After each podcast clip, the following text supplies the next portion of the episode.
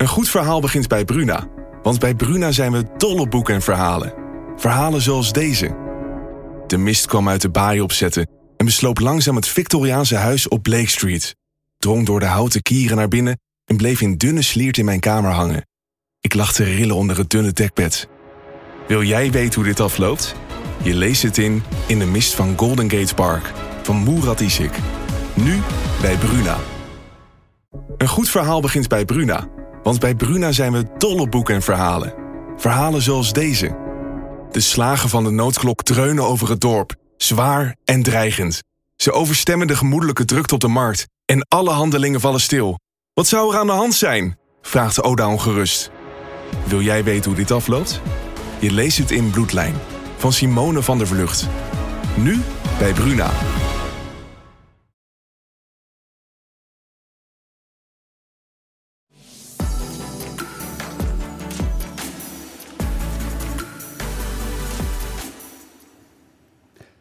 Een hele goede middag. Het is weer vrijdag. Een nieuwe Talk of the Town. En volgens mij wordt het een hele gezellige uitzending. Een hele volle uitzending ook.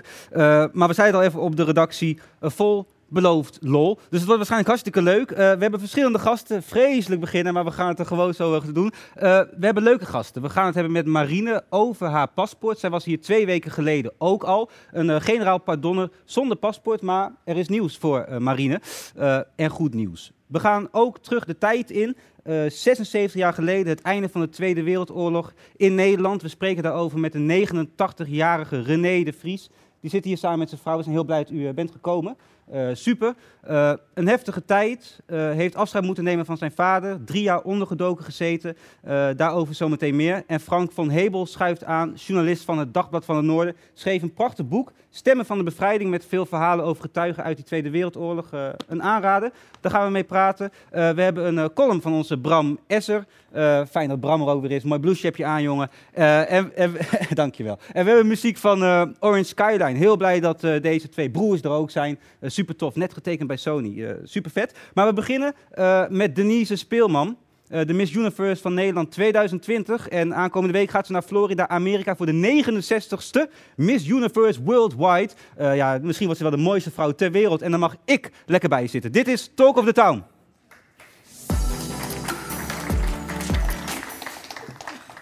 Ja, je zit al te lachen. Ja, ik moest lachen omdat je het zei. Leuk. Ja, nou ja maar je, je hebt je helemaal mooi aangekleed. Ja.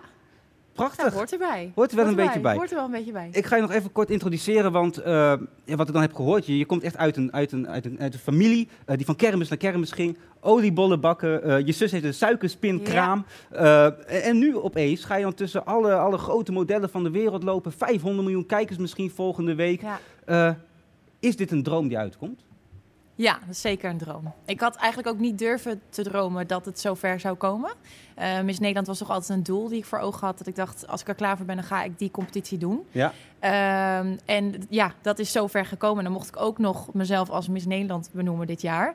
Ja, en dan is het natuurlijk de volgende stap is gewoon internationaal. En dat is wel heel bijzonder. Ja, want je vliegt daar op, op 6 mei heen. 6 mei, ja. Volgende week. Uh, hoe, hoe bereid je je op zoiets voor? Nou ja, gaan natuurlijk heel veel dingen aan vooraf. Als in uh, je, je jurken moet ontworpen worden. Dat dan is een heel proces dat je dat samen met de ontwerper dat gedaan. Dat is heel leuk. Kan je zelf ook wat, toch? Uh, nog, nog niet. Ja, naar stylen. Hè? Ontwerpen is okay. nog een vak apart. Maar ja, dat ja. komt, dat komt. Uh, maar dat is heel leuk om samen te doen. En ja, het, vooral het, het mentale stukje voorbereiden. Catwalk training.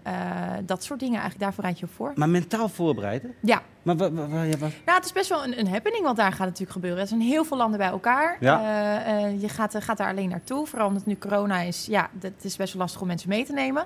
Um, dus het is best wel een, een, dingetje wat je gaat beleven, best wel intens. En dat is gewoon, gewoon puur even soms even een praatje van, nou, dit en dit gaat er gebeuren. En weet je, waar je op voor kan bereiden. Ja, en, en, en je bent er zo meteen, uh, je bent er ook al eerder dan dat het uiteindelijk, uiteindelijk de verkiezing ja. is. Ja. Wat, wat ga je in die periode in, in Florida doen? Op nou, het strand? Je, uh, nee, nee. Nou, misschien, uh, misschien een momentje. Maar vooral doorpassen, de show voorbereiden, dus repetities. We hebben nog interviews van tevoren.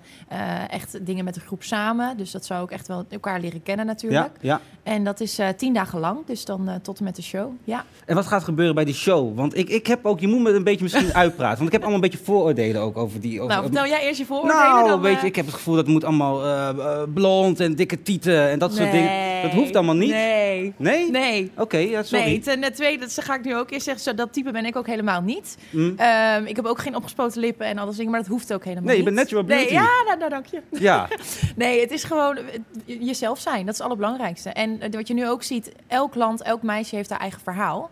En dat is toch nu deze tijd wel heel belangrijk. Want het gaat gewoon heel erg op mentale gezondheid. Wat we nu weer verder moeten dragen na natuurlijk de periode van corona. Eh, en je ziet echt hele mooie verhalen. Iedereen heeft een eigen verhaal. Iedereen heeft iets meegemaakt. Noem eens nou voorbeelden, want, want je hebt ook contact met die meiden, neem ik aan ja, nu al. klopt. Ja, en de, bijvoorbeeld de, de ene zet zich in voor eh, ehm, ehm, het misbruik van elkaar. Eh, de ander zet zich weer in voor kinderen met autisme. Ja. Ik zet me in voor eetstoornissen. Zo heb je overal weer iets anders. En waarom zet jij je in voor eetstoornissen? Ik heb zelf een eetstoornis gehad. Oké. Ja. Hoe is dat zo gekomen? Eh, omdat ik eigenlijk me altijd heb voorgenomen dat ik niet in een perfect plaatje paste. En we hebben toch in onze samenleving best wel een perfect plaatje gecreëerd, ben ik van mening. En dat komt door social media, dat komt door het beeld van topmodellen. Ja. eh, waar vrouwen denken dat ze aan moeten voldoen voordat ze leuk worden gevonden. En dat heb ik mezelf ook altijd aangepraat. Eh, ook gewoon door onzekerheid, weet je, middelbare schooltijd. En ik dacht altijd, ja, ik ben niet goed genoeg. Ik ben Mhm. altijd de langste. Ik heb eh, ook niet de, de borsten die mijn vriendinnen hebben. Ik heb misschien wel geen vriendje. Ik heb, weet je, je gaat allemaal dingen jezelf aanpraten. En dan denk ik, ik hoor er niet bij. En dat heb ik mezelf, ja, ik ging de controle heel erg op eten leggen. En dat eh, is veroorzaakt tot een eetstoornis. En, en wat gebeurt er dan? Ehm, niet meer eten, ten eerste. Heel veel regels opleggen voor jezelf. Ehm, heel veel sporten. En ehm, continu gewoon controle willen. En dat is eigenlijk het, het voornaamste van een eetstoornis. Het gaat eigenlijk niet eens puur om het eten. Ja. Dat komt erbij. Eh, maar het is puur de controle dat jij zeg maar, daar goed in bent. Dat jij elke dag weer jezelf hebt voldaan met... oh, ik heb vandaag dat niet gegeten. En dat, dat, dat gevoel, dat maakt je heel sterk. ja. Terwijl je aan de andere kant helemaal natuurlijk niet sterk bent. Maar je hebt ook meegedaan aan een Miss Noord-Nederland verkiezing Ja. 2014. Ja. Eh, en toen is volgens mij ook ongeveer die eetstoornis Ja, ontstaan. daarna, Had dat dan een verband met elkaar? Nee, dat was eigenlijk, want dat, ik voelde me natuurlijk dat ja, ik had gewonnen en het was geweldig. Eh, maar daardoor is het wel getriggerd dat ik dacht, hé, hey, als ik hier verder wil, dan zou ik dat perfecte plaatje wel moeten nabootsen.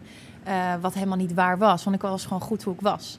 En ehm, ja, dat is daarna wel versterkt, maar dat komt niet door de misverkiezing. Nee. En, en dit is dan jouw verhaal. Ja. Klopt het dat je dan zometeen in Florida voor een jury dit dan vertelt? Ook, en dat ja. dit, dat is, is, is dit dan het belangrijkste? Of, of? Nou, ik vind het gewoon belangrijk dat, het, eh, dat er meer awareness wordt gecreëerd voor eetstoornis. Want ik denk dat, we, dat heel veel mensen in Nederland nog niet eens weten hoe het precies werkt, een Ja. eetstoornis. En er kan heel makkelijk gezegd worden van een meisje die niet eet, als ze zou wel anorexia hebben. Maar je weet niet wat er in haar hoofd omgaat. En dat is best wel lastig, want je kan er niet over oordelen. Ehm, en ik denk dat het wel echt, nou ja, sinds corona zijn de getallen gestegen. De mensen die nu een eetstoornis hebben. Eh, dus ik vind het heel belangrijk dat dit gedeeld wordt. En ik vind dat we ook echt het beeld van de vrouw moeten veranderen. Hoe we tegen vrouwen aankijken. Weet je, laat een vrouw zijn hoe ze wil zijn. En dat, is- dat vind ik het allerbelangrijkste. Je, vertel, je, je, je vertelt het goed en krachtig. Dank je. Ja, en, maar is daar ook dan een, een, een punten, is hier ook een deel punten voor bijvoorbeeld? Je verhaal, tien ja, punten. dat is heel belangrijk. Ja. Ja, want hoe breng jij je verhaal over en hoe sterk ben jij daarin? En eh, weet je, kom je, komt dat over? Dat Ja. is wel belangrijk. Ja. Ja, hey, eh, je moet nog iets een vooroordeel bij me wegnemen. Want het is, nat- ja, sorry. Maar het is natuurlijk wel zo dat als ik... eh, ik zat met vrienden natuurlijk op die site te kijken. Oh ja, oké. Ja, nee, ja, maar dat wil je toch? Je Ja, wil toch nee, stemmen? ja, ja, nee, dus, dus ik denk, ik wil stemmen. En dan ga ik toch, ja, ik, dus, er stond een linkje video's bij. Je kon dus video bekijken met mensen, meiden hun Ja. verhaal. Maar ik word toch direct getrokken, oké, wie vind ik het knapste kopie hebben en Ja. zo. Moet, is, moet dat eigenlijk niet dan? Of- of- Nou, het gaat bij een mis echt om het totale plaatje. Dus eh, weet je, hoe zit je van binnen in elkaar en straal je dat uit naar buiten? Kijk, het, het uiterlijk kan eigenlijk niet tellen als eh, de binnenkant niet mooi is. Weet je, dat gaat echt om, om de samenstelling daarvan. Ja, Dat is eigenlijk het allerbelangrijkste voor een mis. Ja. Hoe straal je uit? Hoe kom je binnen? Wat, wat weet je, wat heb je te vertellen? Ja. Hoe ben je met mensen? Dus het is gewoon een totale plaatje. Geweldig. Waar heb je het meest zin in zometeen als je daar landt en je gaat eh, Florida verkennen? Ja, al die 69, 68 vrouwen ontmoeten. Ja. Dat vind ik, want we hebben nu zitten nu al zo lang met elkaar ook in een groepschat op WhatsApp. En ja, je hoort verhalen van iedereen. Het is voor elk land ook weer verschillend qua reizen. Weet je, wat, wat mocht nu? Ja, Eh, dus best wel ook een onzekere periode voor veel. En we hebben, ondanks dat we elkaar nog helemaal niet hebben gezien, best wel veel steun aan elkaar gehad. Dus daar heb ik eigenlijk het meest. maar waar heb je steun aan dan? Wat is het ja, de woorden van elkaar. En dat je dan een berichtje stuurt van... hey, hoe zit het bij jullie? Weet je, hoe ver zijn jullie met voorbereiden? En dat je verhalen terug hoort. Dat ja, is gewoon heel leuk. Terwijl je elkaar nog helemaal niet kent, zeg maar. Ja, dat klinkt wel heel tof. En er kijken 500 miljoen mensen wereldwijd naar. Hè? Ongeveer een beetje wat nu ook naar Talk of the Town zit te kijken. Dus ik, ik snap de spanning... nee, maar, nee, maar ben je daar dan ook nog mee bezig? Of, Nee, nee, ik heb echt zoiets. Ik ga volop genieten. En ik wil gewoon terugkomen met het gevoel van... weet je, ik heb van deze week echt genoten. Ja. Eh, ik heb de beste versie van mezelf laten zien. En dat is voor mij het belangrijkste. En ik las ook ergens dat je het al de meiden gunt. Ja. Dat geloof ik nooit. Ja, nou, dus zo zit ik wel in elkaar. Ja, sorry. Geloven jullie dat? Ja, wel hè. Want ik zie de familie die gelooft dat zeker. Dus, dus, dus wanneer, is, wanneer is jouw week dan echt, echt, geslaagd? Nou, als ik terugkom en ik voel me gewoon zo voldaan... dat ik ook zeker weet dat ik de indruk achter heb gelaten die ik wil achterlaten. En dat is gewoon mezelf zijn. Ja. Ik eh, wil nog even terugkomen op dat stemmen. Want ik zat te kijken en natuurlijk naar, naar een beetje dat uiterlijk vertoon, eh, dom van mij. Eh, maar jouw verhaal nu, ik vind je krachtig, ik vind het een mooi verhaal. Dankjewel. Dus ik, ik, ik denk echt serieus, zonder grappen, dat je een goede kans Nou, maakt. Dat vind ik heel Een goede fijn. Dankjewel. Eh, mag een groot applaus voor Miss Nederland en misschien wel Miss Universe. Ja, dankjewel. Heel veel succes. Eh, ja, we gaan naar onze volgende gast, eh, Marine. Die was hier twee weken geleden ook al. Kort verhaal, of ik ga het verhaal wat kort eh, maken. Ze kwam als babytje uit Armenië Nederland toe. Eh, ouders gevlucht. In 2007 kreeg ze door, de door het generaal pardon een, eh, een verblijfsvergunning, maar geen paspoort. Want de, document, de documenten uit het land van herkomst waren niet aanwezig. En Marine, je bent deze week terug volgens mij met goed nieuws. Want Mhm. vertel even, wat is, er, wat is er deze week gebeurd? Eh, ja, maandag geheel onverwachts rond 6 uur kregen we het nieuws dat eh, de staatssecretaris een besluit had genomen. En eh, daarin stond dat degenen die in 2007 minderjarig waren en nu meerderjarig zijn, dus ten tijde van het generaal pardon, zij worden vrijgesteld van het documentatie-eis. Dus Ja. we kunnen vanaf 1 juni dan een paspoort aanvragen. Dus, al heel, dus binnen twee weken heb je opeens een bericht gekregen. Hoe, hoe ging dat? Dat jij inderdaad een paspoort mag krijgen. Ja, en eh, we hadden het de vorige keer ook over van, is het zo makkelijk met een handtekening? Ja. En eh, ja, het is zo makkelijk met een handtekening, dus... eh, Van Ankie Broekers-Knol, de Ja. staatssecretaris die hier over gaat. Ja, zeker, ja. En dan krijg je dat telefoontje, mailtje. Ik weet niet hoe het ging. Ja, via de eh groeps-WhatsApp kregen wij toen eh, eh, het document met het besluit toegestuurd. Ja. En, en wat was dan de eerste reactie? Eh, iedereen was natuurlijk heel blij, maar eh, mijn vriend en ik studeren allebei rechten. Dus wij keken er met een juridische blik naar van wat staat hier en wat staat hier niet. Ehm, en toen was het toch wel echt even bitters, eh, bitterzoet. Ehm, Waarom? Bitterzoet? Omdat er meteen duidelijk was dat er weer een eh, flinke scheiding werd gemaakt tussen groepen. En eh, dat er weer onderscheid wordt gecreëerd. En eigenlijk worden we een beetje tegen elkaar uitgespeeld. Zo'n 3000 pardonners die mogen nu wel een paspoort aanvragen. Maar 7000 pardonners blijven tot nu toe tweederangs burgers. Ja. Dus jij, jij mag een paspoort aanvragen? Ja. En de andere overige niet? Eh, uit de groep of... Ja, nou ja, de, degene die 7000 waar je het over hebt, die, mogen dus, die krijgen geen paspoort. Eh, nee, die moeten het eh, onderzoek afwachten. Maar daar hadden we het de vorige keer ook over. Het is gewoon eigenlijk een manier om het uit te stellen. ja. En door dit besluit blijkt ook dat de oplossing wederom heel simpel is. En als het nu weer voor 3000 mensen wel kan, waarom niet voor de rest? Maar waarom denk je dat het niet voor de rest mag? Mm. Ehm, we het even omdraaien waarom het voor ons wel mag. Ja, hele goede. Ja. Want ik denk dat dit eigenlijk een poging is om ons mond dood te maken. En dat is een heftige uitspraak. Maar ehm, de jongeren die dus nu heel vervelend zijn in de media en hun verhaal doen. Nou ja, en, vervelend. eh, je, je vertelt hier een heel goed verhaal. eh, ja, voor de VVD is dat wel vervelend. Eh, de druk wordt erop gevoerd en mensen vinden het ook gewoon schandalig. Maar om die vervelende opstandelingen zeg maar een paspoort te geven, ja, dan valt het eigenlijk stil in de media. Ja, Want ja. de rest is of minderjarig, of die eh, is minder bespraakt of durft zich niet uit te spreken. Dus dan heb je eh, ja, geen gezeik meer eigenlijk, om het even zo te zeggen. Het, het, het is een plausibele, eh, het zou kunnen inderdaad. Ja. Je zei het net voor de uitzending ook al eventjes. Je moeder krijgt bijvoorbeeld geen paspoort. Nee, En je jongere zusje ook niet. nee klopt. Hoe, hoe reageerde je moeder op dit nieuws dan? Eh, mijn moeder was heel erg blij voor ons natuurlijk. Maar ik weet dat er ook een stukje verdriet eh, in haar stem te horen was. Want eh, eigenlijk word je als familie nu verscheurd. Mijn broertje en ik krijgen een paspoort. Wij Ja. zijn zo meteen Nederlanders, mogen alles doen en laten. Maar mijn moeder en zusje, zij blijven tweederangs burger. Tjemig, Ja. tjemig. En, en wat is daar dan nog aan te doen? Afwachten eh, op het onderzoek, maar daar laten we het niet bij. We blijven gewoon doorgaan met eh, actie voeren. De druk blijft er zeker op, dus eh, wij zullen niet monddood gemaakt worden, nee. Ik moet ook zeggen, je zat hier twee weken geleden en toen vertelde je ook een heel sterk verhaal, heel goed uitgelegd. Ja. Maar je zit er nu nog, er zit misschien nog meer sprankeling in je Ja. ogen en iets van kracht, passie. Heeft het je gesterkt op een bepaalde manier? Uh, ja, zeker. De dag dat we het nieuws kregen was het natuurlijk even een beetje somber. Want hè, 2000, uh, 7000 mensen die blijven uh, tweederangsburger. Maar vanaf dinsdag, er is zo'n strijdlust eigenlijk bij iedereen aangewakkerd. Dat is echt onvoorstelbaar. Ja, we, we, halen er kracht uit, maar we hebben nu ook meer macht om ja, de stappen door te zetten. Ja, ja uh, en, en, en hoe ga je dat concreet doen de komende jaren? die, die strijd doorzetten, ook voor de rest? Natuurlijk gewoon de media blijven opzoeken, contact blijven houden met politici en nou, de petitie, wij horen er ook bij.nl, ja, die loopt vorige keer heb je een paar keer genoemd. Hè? Wil je het nog, ja. nog één keer noemen? Ja, www.wijhorenerookbij.nl. Ja, Teken hem, deel hem. Uh, ja. Dus uh, dat is één ding. En uh, vorig jaar, toen mijn vriend en ik net gingen samenwonen, grapte ik een keer van: hey, ik zou best wel willen solliciteren naar burgemeester. Maar uh, als ik straks een paspoort heb, kan dat. En dat ga ik ook zeker doen. Ik heb de eerste stap al gezet door lid te worden van een partij. Wat dus, goed ja, wie weet. Misschien maak ik ook geen kans, maar ik ga een poging wagen. En ik sta er gewoon met een ijzersterk verhaal, goede voornemens en vastberadenheid. Dus wie weet in de toekomst. Ja. En misschien net zo als, als net Denise, zeg maar die Miss Universe slingen om had. Heb jij misschien wel in de toekomst zo'n hele mooie ambtsketting? Ik, ik, ik zie het je wat dragen ook nog. Ja, ik, ik hoop het. ja. Nou, ik wens je heel veel uh, uh, sterkte. Ik wil je toch ook wel feliciteren. Want je mag, er ook, je mag het toch, hoe moeilijk het ook is en hoe verscheurd het ook voelt, toch ook wel bij stilstaan dat het uh, ja, voor jou gelukt is. En ook waarschijnlijk door jou gelukt is. Ja, dankjewel. Marine, dames en heren. Wat top. Ja, en de petitie tekenen kan dus nog steeds. Wij horen er ook bij.nl. dan gaan we zo meteen, of nu eigenlijk, naar onze column van, van onze Bram. Ja, die, je schrikt een beetje dat je al mag.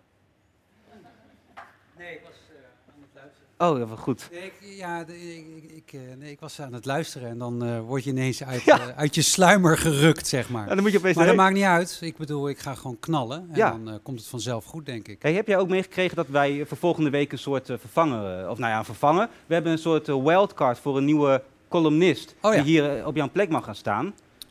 Nou, dat is niet zo best, dat is concurrentie. Ja, beetje wel. Ja. ja, maar heb je toch nog iets, kan je een beetje tegen concurrentie dan?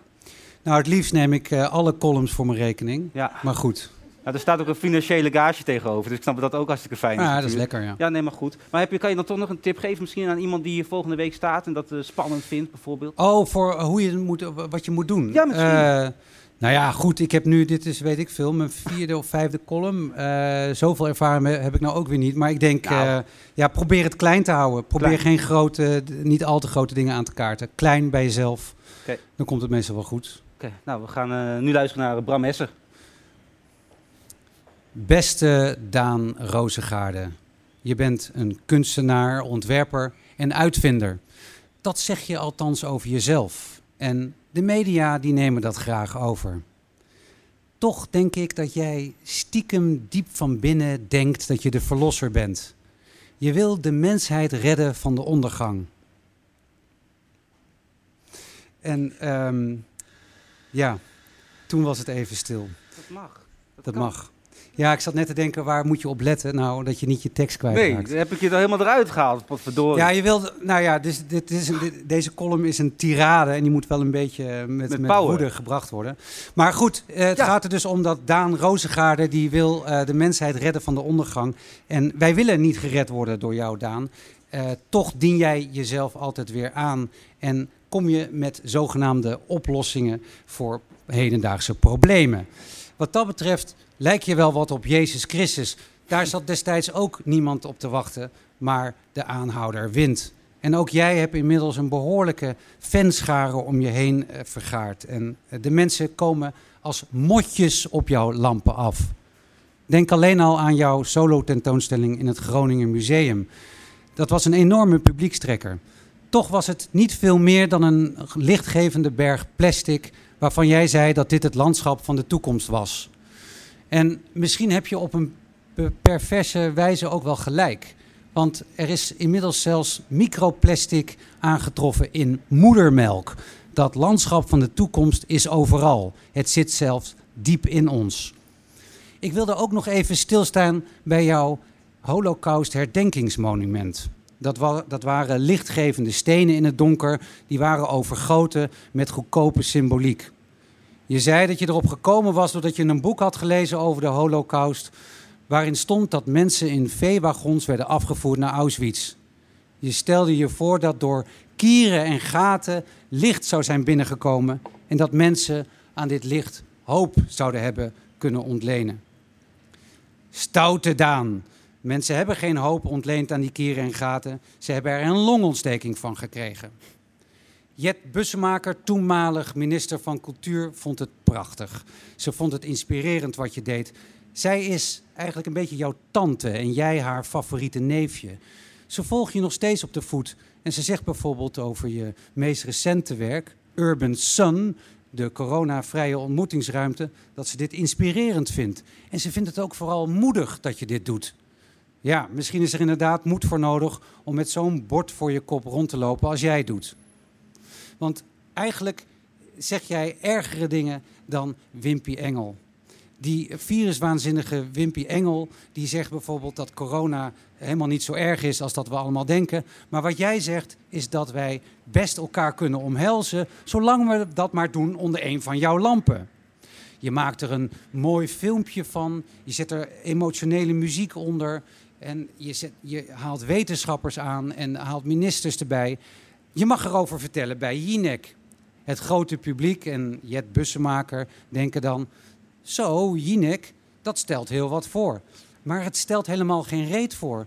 Want als namelijk iemand met corona onder jouw lamp gaat staan en mensen gaat omhelzen, dan, dan besmet hij net zo goed mensen als buiten die cirkel. Hoe ik dit weet? Gezond verstand. Het licht werkt nou eenmaal niet met de snelheid van het licht. En dat is gewoon misleiding. Dat is niet inspirerend. En dat heb ik eerder aangetroffen bij jouw Smog Free Tower en bij jouw zogenaamde ruimtepuinstofzuiger. De maat is voldaan. Het is afgelopen. Dit kan zo niet langer. In naam van de goede smaak en het gezonde verstand wil ik jou uitdagen tot een duel. Ik verwacht jou morgenavond onder de Erasmusbrug. En je mag best je Smok Free Tower meenemen om je in te verschansen. Ik zal je uitroken en dan ga ik allemaal kleine gaatjes in je prikken, zodat het licht van de hoop op je ziel kan schijnen. En Daan, als je dan pijn voelt, weet dan dat dit de waarheid is die langzaam bezit neemt van je lichaam. Tot morgenavond. Bram dames en heren.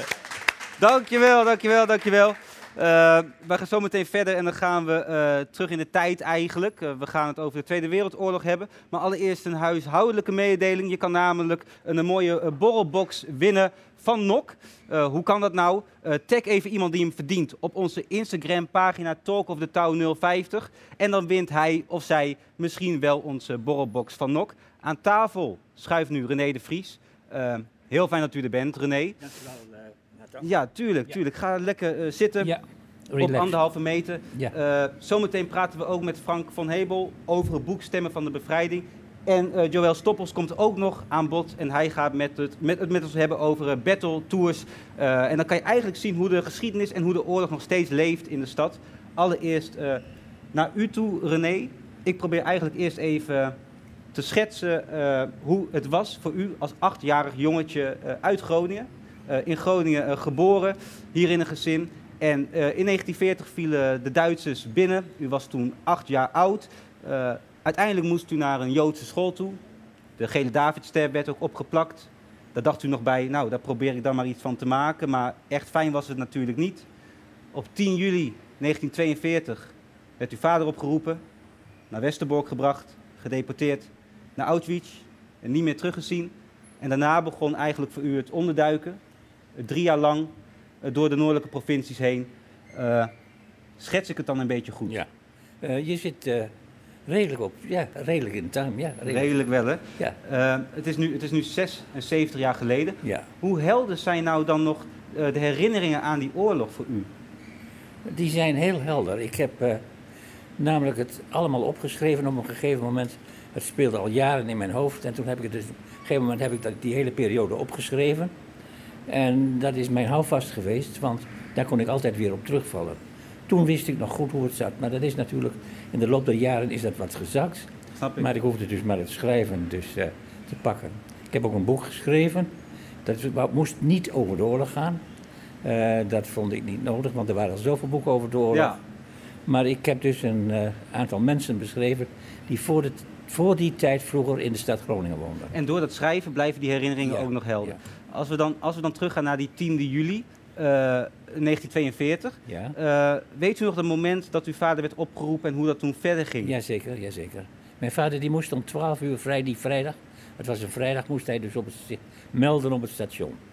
En dan krijg je natuurlijk weer de discussie, moet ik wel gaan, moet ik niet gaan? En van, het kwam er eigenlijk op neer dat als ik niet ga, ja, dan halen ze jullie misschien op. Of dan halen ze mijn moeder op. Zijn moeder die was al oud. Die, dat was ook een oude vrouw, die was toen 72 jaar. Ja. Daar zit een blom van 75. Ja, ik moet zeggen, u heeft een prachtige jonge dame aan de haak geslagen. Meneer. Dank u. Ja, dank u. ja fantastisch. Laten we het gesprek wel hier houden. maar, uh, dus u, u, uw vader dacht eigenlijk, moet ik nou wel gaan, dan moet ik niet gaan voor de kinderen. En we hebben toch niets misdaan, was de kreet altijd wel. We hebben toch niets boven de wet gedaan en het zal wel meevallen. Maar ja, mijn moeder die wist beter. Haar broer die zat op kamers aan de Lage A. Ja. Er staat bij de brug staat zo'n apart huis. Dat staat helemaal apart. En daar werden kamers verhuurd. En daar zat een Duitse SS'er. Mijn oom, de, de, broer van mijn moeder, die zat daar ook. Die woonde daar ook. Dus, de, dus uw oom en een SS'er zaten samen op kamers eh, eigenlijk? Niet, ja, ja, ja. Hij is dus... Uh, mijn oom is dus wel eens bij op bezoek geweest. En dan dronken ze een borrel samen. En dan zei hij, ja, je moet zien dat je wegkomt, want dat gaat niet goed. Dat zei die SS'er? Ja, en dat was dus 1942 al.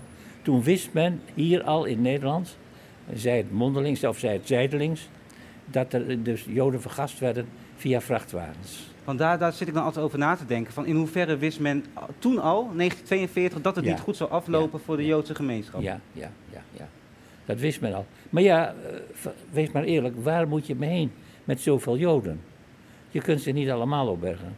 Mijn moeder was gelukkig verstandiger en die is dus met mijn broer en mij zijn gaan onderduiken. En, en weet u dat moment nog, dat opeens uw moeder thuis kwam en zei we gaan, we gaan weg?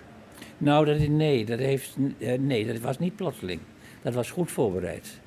En uh, ja, dat, toen woonden wij nog aan de Koornsingel, dat pand is er niet meer. Ja. Koornsingel 61. En toen hebben wij de eerste nacht doorgebracht op een hoekpand tussen de Uboemiusstraatje en de Koornsingel. Dat stond een pand van van uh, de verkloeting was dat. Ja. Dat was een, ook een bibliotheek was dat. Ja, en jullie hebben toen op verschillende plekken door de provincie ondergedoken gezeten. Ja, Wat zijn herinneringen die u daar nog van bij eh, zijn gebleven? Nou ja, de herinneringen. Ja. Nou ja, de heftige punten dat we dachten dat we verraden waren en dat er twee Duitsers voor de deur stonden. En ja, zo zijn er nog een paar punten dat je echt de zenuwen hebt, want dat je denkt dat het afgelopen is. Je wist donders goed, als je verraden werd of als je gepakt werd, dat het afgelopen was. Dat wist je. En dat blijft dus altijd doorspelen. Het wordt altijd een kwestie van vluchten. vluchten. Maar ja, waarheen en wanneer? Hè? Ja. dat is een vraagstuk wat ik eigenlijk mijn hele leven lang heb meegenomen. En, en, en wat doet u dan als jongetje als u ondergedoken zit? Je, je kan zo weinig. Wat, wat gaat er door uw hoofd heen dan? Weet u dat nog? Jawel, nou ja. Uh, je kunt je op verschillende manieren vermaken. Mijn broer en ik gingen wol spinnen.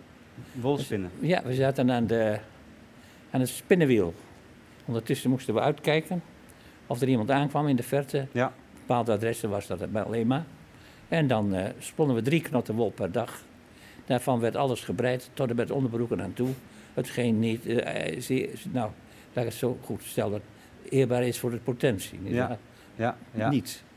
Nee. En, en, en wat weet u nog van, van de bevrijding? Kan u dat nog heugen? Jazeker. De, de bevrijding, toen liep ik naar buiten en ik riep Eureka, Eureka, Eureka. Wat dat ermee te maken heeft, weet ik niet. Ik kwam zo in op, u riep Eureka. Ja, ja, ja, ja. En ik kon weer buiten zijn, ik kon weer ademhalen en ik kon weer, ja. Je was er weer bij, je hoorde er weer bij en je kon weer buiten zijn. En dat was... Maar hoorde u er echt, echt bij? Ik kan me voorstellen dat zo'n periode na zo'n oorlog een hele moeilijke periode is ook. Dat was een hele moeilijke periode. Dat was een hele vreemde periode ook.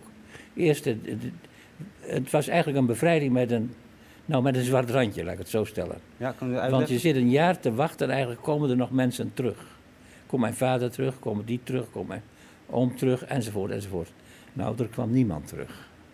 En uh, dan heb je eigenlijk geen tijd meer om te rouwen ook. Ja. Als je de rouw zo lang uit moet stellen, dan, dan, dan rouw je niet meer. En dan wordt het een ondraag, of ondraaglijk, wil ik niet zeggen, maar dan wordt het een moeilijk probleem. Dan gaat het een probleem op zichzelf worden. Al die mensen die weg zijn, geen, er is niets meer over. Uh, alles wat we hadden was weg. Ja. Maakt niet uit, zei mijn moeder. Uh, dan beginnen we toch gewoon weer opnieuw. Dus eigenlijk stond uh, u het ook af, de gevoelens? Ja, je stond af. Precies, je stond af. En dan ben je dus groot geworden in een tijd waarin gevoelens dus afstompen. Ja. En die je dus ook niet meekrijgt in de rest van je leven. En dat leidt weer tot, tot complicaties na de Tweede Wereldoorlog. Dat snap ik. U heeft daarna, in de loop der jaren, ook na de oorlog, een praktijk gehad, nog fysio-praktijk. Ja. Maar u ging ook lezingen geven uh, op scholen. Ja. Waarom deed u dat? Uh, voor de, dus over die Shoah vertellen. Ja. Over deze periode vertellen. Ja. ja, hoe moet ik het zeggen? Ik vind dat, ja... Nou, dat was ook de, het, eigenlijk het, het motto van mijn boek. Dat ik de kinderen iets mee wil geven van de grootouders. Van de grootouders, althans in Joodse kring, ja. die waren er niet meer. Die hele laag was weg. Maar er waren nog wel een aantal kleine kinderen, ook die geboren waren na de oorlog. Vreselijk. En uh, ja, dat was een gap. En die heb ik geprobeerd te, onder, te onderbouwen en ook te overbruggen. Uh, dat is misschien gedeeltelijk gelukt, dat weet ik niet. Ja, ja. Maar ik heb mijn best gedaan in ieder geval. En het is nu 76 jaar geleden. Als ik u dan uh, afsluitend mag vragen, wat, wat is vrijheid voor u nu? Ultieme vrijheid? Dat zit in jezelf. De, vrijheid, de ultieme vrijheid zit in jezelf. Dat je je los kan maken van vooroordelen. Dat je je los kan maken van al die oordelen die je over je heen krijgt. Enzovoort, enzovoort. En uh, ja, dat geldt ook voor, voor het jodendom. En uh, ongetwijfeld zult u tegen zelf tegen hetzelfde probleem aangelopen zijn. Ja, en ik hoor nog een haringje eten. Ja, dat was, uh, dat was vrijheid. Op de hoek van de Kranenweg. En de, even denken. Ja, nou, op de, net op de hoek van de Kranenweg, daar stond een, uh, bij het Noorderplantsoen daar. Ja. Daar stond een haringkar. En toen ben ik, een, ja, toen ben ik daar, het was in 46, heb ik daar een haring staan eten. En dat was, ja, dat was heerlijk. Dat was echt de vrijheid? Ja, want dat, dat was vrijheid. Tuurlijk. Want als je een haring eet, dan kun je niet opletten wat je achter gebeurt. Je staat alleen maar zo en alles moet veilig zijn. Je, alles wat er gebeurt, dat moet je over je laten komen. En dat komt toen weer. En dat was mijn vrijheid. Dank u wel, René. Uh, ja, dank u wel, René de Vries. Dank u wel. Ja, graag gedaan. We vragen Frank uh, von Hebel er ook bij. Ja. Uh, blijft u nog even zitten, hoor. journalist van het Dagblad van het Noorden. En Frank, u heeft alle verhalen, of veel verhalen van getuigen uit de Tweede Wereldoorlog opgeschreven in een boek, Stemmen van de Bevrijding. Waarom dacht u, ik ga dat boek schrijven, die verhalen moeten verteld worden? Uh, omdat die verhalen, zoals je ze net ook hoorde van René, die, die verhalen kunnen nu nog verteld worden. De mensen die het hebben meegemaakt, die zijn er nu nog, die kun je, die kun je spreken. Je kunt de emoties zien en ze kunnen uit eigen hand vertellen wat, wat ze hebben meegemaakt en hoe ze het hebben meegemaakt. En je kunt ze vragen stellen. En over een jaar of 15 of 20. Ja. Nou, misschien dat er dan nog wat taaie rakkers over zijn, maar dan, dan, dan hebben we alleen hun verhalen nog, die op schrift, op audio of video zijn vastgelegd. Zoals nu. Je hebt enorm veel beschreven. Heb je een paar verhalen die je nog bij zijn gebleven, waarvan je denkt, die komen direct bij me op? Ja, uh, het verhaal van René natuurlijk. Dat vond ik heel indrukwekkend. Um, het zijn soms ook niet alleen de verhalen, maar ook de emoties die mensen voelen als ze die verhalen vertellen. Zoals een mevrouw uit Delfzijl, die vertelt hoe haar moeder toen een, een laatste maaltijd klaarmaakte voor haar, haar, Joodse vrienden en kennissen. Die werden weggevoerd naar Westerbork, waarvan een, bijna niemand terugkeerde. Uh, er is een, het zijn ook verhalen over die na de oorlog plaatsvonden. Bijvoorbeeld van een mevrouw die haar uh, broer verloor tijdens, uh, tijdens munitieruiming. Dat was in Spijk. Toen hadden ze overal nog onontplofte munitie. En dat werd naar een, een loods in het dorp gesleept. En er ging iets fout en ontplofte. En er kwamen een tiental leden van de Binnenlandse strijdkrachten die kwamen erbij om het leven. Ja. En haar broer die was net teruggekeerd van, van zware dwangarbeid uit, uit Duitsland. En die was er net weer. En dat had hij allemaal overleefd. En toen kwam hij toch nog zo om het leven. Maar er zijn ja, soms ook, ik kan er niks aan doen, er zijn soms ook hilarische verhalen bij. Zoals een mevrouw die werd geboren tijdens de bevrijding van Wagenborg. En voor de mensen die niet weten, bij de bevrijding van Wagenborg, daar werd echt heel hard gevochten. En een groot deel van het dorp was, eh, was gevlucht. Alleen de moeder van deze mevrouw kon niet vluchten, want ja, ze was hoogzwanger. die moest een kindje krijgen, midden in de gevechten. Ja, dus ze zocht haar, uh, ze zocht haar toevlucht tot, uh, in de schuilkelder van Groot Bronswijk. En dat was de psychiatrische instelling. Uh, de, met, nou, daar verbleven iets van, van duizend patiënten. En te midden van die duizend patiënten beviel haar moeder. En de geneesheer-directeur die, die, die hielp haar daarbij. En toen, toen, was ze geboren. Ja, en deze mevrouw zou eigenlijk Aaltje worden genoemd, okay. naar haar grootmoeder. Ja. Maar dat, ja, de geneesheer-directeur die vond toch dat, dat het, uh, de situatie, dat de naam meer recht moest doen aan de context waarin ze was geboren. En ja, ik durf toch wel te zeggen, helaas voor mevrouw, op dat moment reed er een tank voorbij. waarbij uh, Canadese soldaten Victory en Liberty op uh, de zijkant hadden geverfd. Dus deze mevrouw heet Victoria Liberta. en ze noemt zichzelf trouwens Ria. Ah, dat is prachtig, prachtig. dat is eigenlijk een beetje net alsof iemand nu gaat bevallen en dat je dan het kindje uh, Kofi noemt, omdat het COVID-19 is. ja, dat, dat, je dan, dat, je erop, uh, dat je erop inspeelt. Uh, en, en persoonlijk voor u dan ook, Frank. Waarom wil jij, jij deze verhalen allemaal optekenen en stop jij hier al je levenswerk in? Nou, al, al mijn... Veel? Veel, dat klopt wel. Um, dat komt ook, dat is ook wat ik in het begin zei. Ik, ik ben geïnteresseerd in geschiedenis, maar deze geschiedenis kunnen we nog aanraken. Die is maar ten hoogste een paar generaties van ons verwijderd. En een hoop mensen uh, zijn er niet meer. Ik heb bijvoorbeeld zes jaar geleden heb ik ook een boek geschreven. Dat ging toen over bevrijding van de stad Groningen. Nou, een aantal mensen daarvan is er al niet meer. Maar nu zijn ze er nog. En uh, ik heb niet alleen mensen ooggetuigen geïnterviewd. Ik, heb, ik ben ook in archieven gedoken. En daar, daar vind je trouwens ook de meest wonderbaarlijke verhalen. Ja, ja. Uh, ook over plunderingen op, op, op grote schaal. Dus echt voor tonnen gejat door de geallieerden hier uh, na de oorlog. Uh, maar je, je, kunt die mensen geen vragen meer stellen. En mensen zoals René, die zijn er nog. En dus zolang ik mijn levenskracht nog heb, zal ik mijn best doen om hun te interviewen. En is dat heel waardevol. Ja. Dank u wel, Frank van Hebel. En dank u wel, René de Vries. Dank, dank u wel. Dank u wel. Ja, en we blijven. Loopt u voorzichtig terug naar uw mooie vrouw. Dan komt hier zometeen uh, Joël Stoppels zitten. Dan blijven we nog kort uh, in de oorlog zitten. Want Joël Stoppels, kom erbij.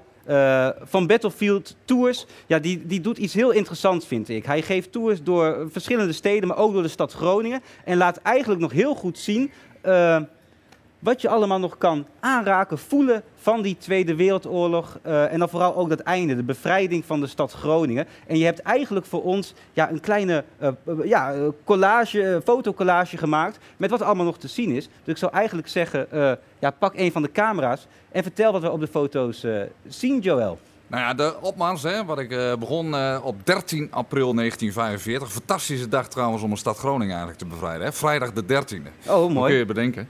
Uiteindelijk, uh, de Canadezen trekken eigenlijk via de Paterswoldse binnen. binnen. Er wordt ja, enorm zwaar gevochten. Huis voor huis wordt gezuiverd. Um, ja, bij, daarbij trekt men eigenlijk naar de Parkbrug. En dat was een van de bruggen in de stad Groningen die strategisch erg belangrijk was. Ja. Daar wordt ook weer heel zwaar gevochten. Dan gaan zelfs Canadese militairen zwemmen naar de overkant over het Hoornse Diep. Om uiteindelijk die brug in handen te krijgen. Nou, die hebben ze dus op de zaterdag 14 april 1945 in handen. En dan trekt men eigenlijk door de Parkweg, de Raapauwstraat, eigenlijk richting de Herenweg, richting de binnenstad van Groningen. Nou, eigenlijk al op die zaterdag 14 april is men de hele dag bezig om alleen maar door de Parkweg en de Raaphoofdstraat te komen. Dan moet je nagaan dat de burgers tussen die gevechten zitten. Die zitten als het ware, uh, ja, die zijn niet gevlucht uit de stad. Uh, wij Groningers zijn vrij nuchter. Ja. Komen op straat en uh, bieden de Canadezen een kop koffie aan. Dat gebeurt in sommige gevallen. Dat gebeurt toch niet echt? Ja, dat is in sommige gevallen gebeurd. Stonden nieuwsgierig bij de gevechten te kijken. schoven het gordijn opzij, keken even naar buiten. Ja, en een Canadese militair kon in enkele seconden niet zien... of dat nou een Duitse militair was of een burger. Nee, snap ik. En daardoor zijn er dus ook 110 burgers omgekomen. Dat zien we ook op de foto's. We zien nieuwsgierige burgers kijken bij de Canadezen tijdens die heftige straatgevecht. Maar hadden de Duitsers niet uh, gezegd in die dagen, pamfletten opgehangen, burgers, uh, blijf binnen, weg van de ramen, niet doen? Ja, maar toch hunken de mensen naar, ja, wat gebeurt er? Hè? Het is nieuwsgierig. Ik heb ook wel een vrouw gesproken die zei, ja, ik hoorde helemaal niks meer. Tegenwoordig hebben we uh, een, een nee, dat snap ik, dat snap en ik. Facebook en dan krijg je een pop-up bericht van je bent bevrijd. Ja. En in die, in ja. die tijd zaten ze in de kelder, geen radio. en dan is het stil. Dan denkt men, ja, ik ben bevrijd. En Ja. die vrouw die kwam uit de kelder en liep het Noorderplantsoen in. En er werd opeens geschoten. Dwars door haar hand.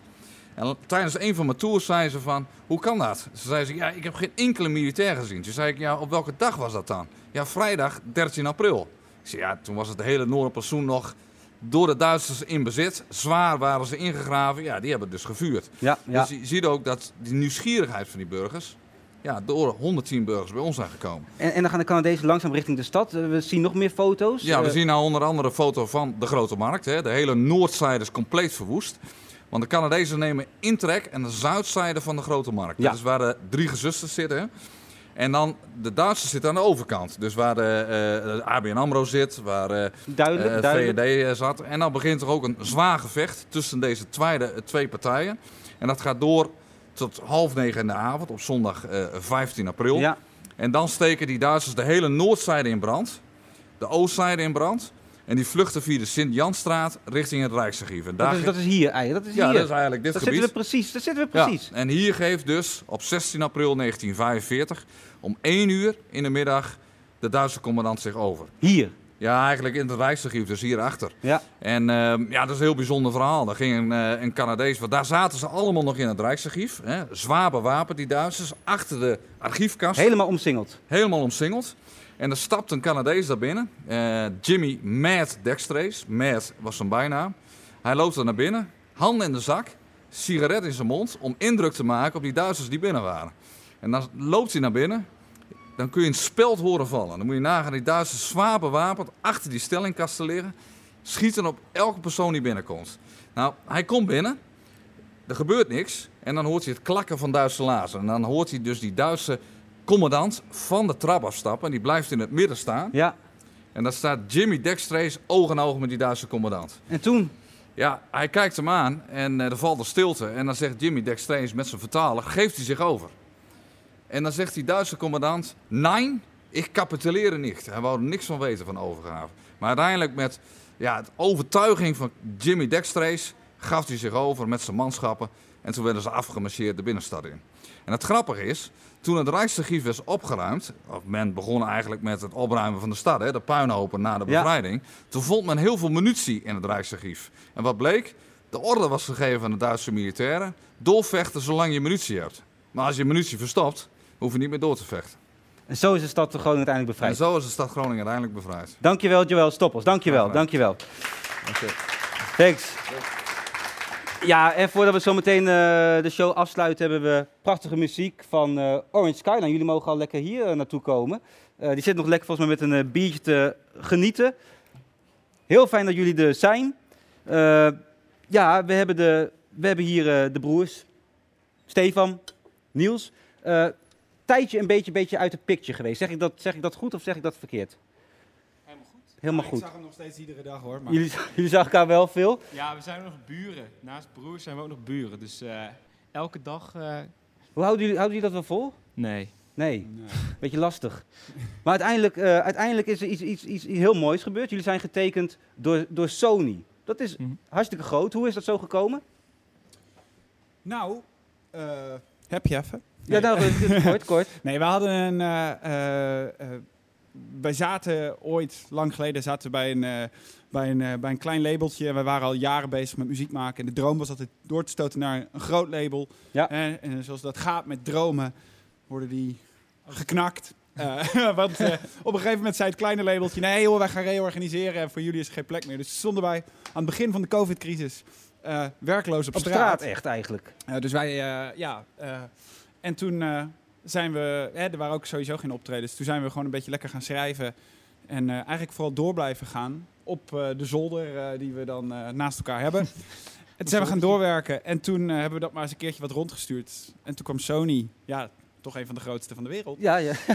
En die zeiden, hey, moeten jullie niet gewoon een album met ons opnemen? Dus toen kwam uiteindelijk alles toch nog goed. Dus wij zijn de enige band eigenlijk die werkloos de crisis inging en met een baan weer uitkomen. Ja, en net, net zei je al een beetje gek scheren. Dat, het is ook, Sony is ook super groot natuurlijk. Dus het was bijna, je had een mooie anekdote volgens mij, alsof je een winkel binnenloopt, een duur modehuis. Ik wil alles hebben. En dat de baas zegt, gaan we doen. Je had het, ook, je had het niet uitzien komen, zeg maar. Ja, het was ook, was ook niet bescheiden. Ehm, maar weet je, dat is altijd een beetje de instelling van ons geweest, is dat ja, nee heb je, ja kun je krijgen. En weet je, als het dan toch nee wordt, dan hou je er alsnog een vet verhaal aan over. Ja. Wat kunnen we de komende tijd van jullie gaan uh, verwachten? Ja, veel nieuwe muziek. We hebben eh, dus een hele plaat opgenomen afgelopen uh, zomer. Ja. Uh, we hadden toch uh, de tijd, zoals uh, menig muzikant.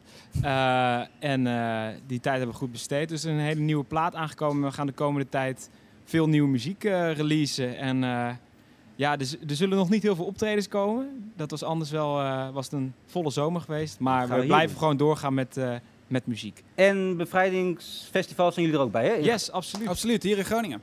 Wat gaan jullie nu spelen? Shine On. Onze nieuwe single. Take it away, Orange Skyline.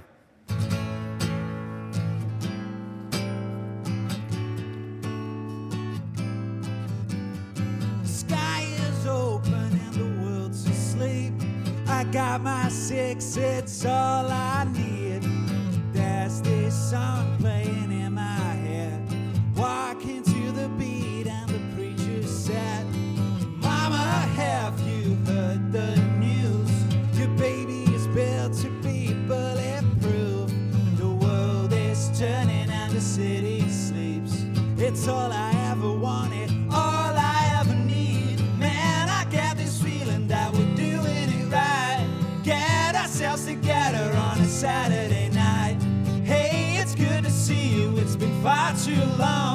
Won't you stay with me until the morning comes? Shine on,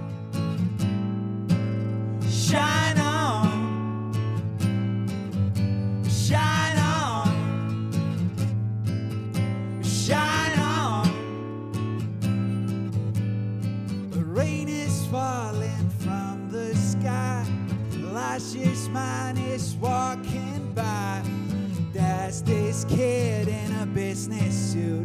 selling diamond rings for some hoochie cool. Father, I was blind to see.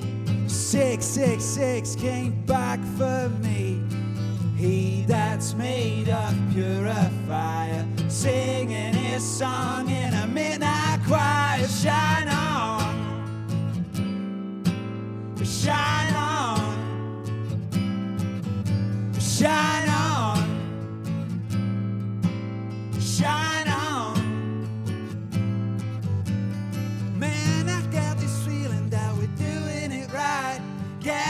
ourselves together on a Saturday night.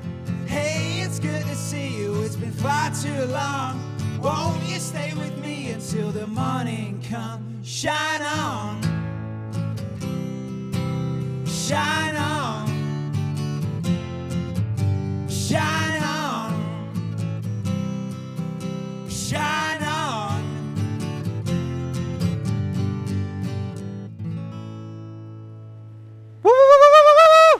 Skyline, dames en heren, dank jullie wel. Uh, dit was hem voor vandaag. En oh ja, nog één iets. Wil jij volgende week nou hier de column zelf doen en denk je, dat kan ik? Ga dan naar onze Instagram, Talk of the Town 050 en misschien ben jij de columnist van volgende week. Dit was hem voor vandaag. Fijn weekend en tot volgende week.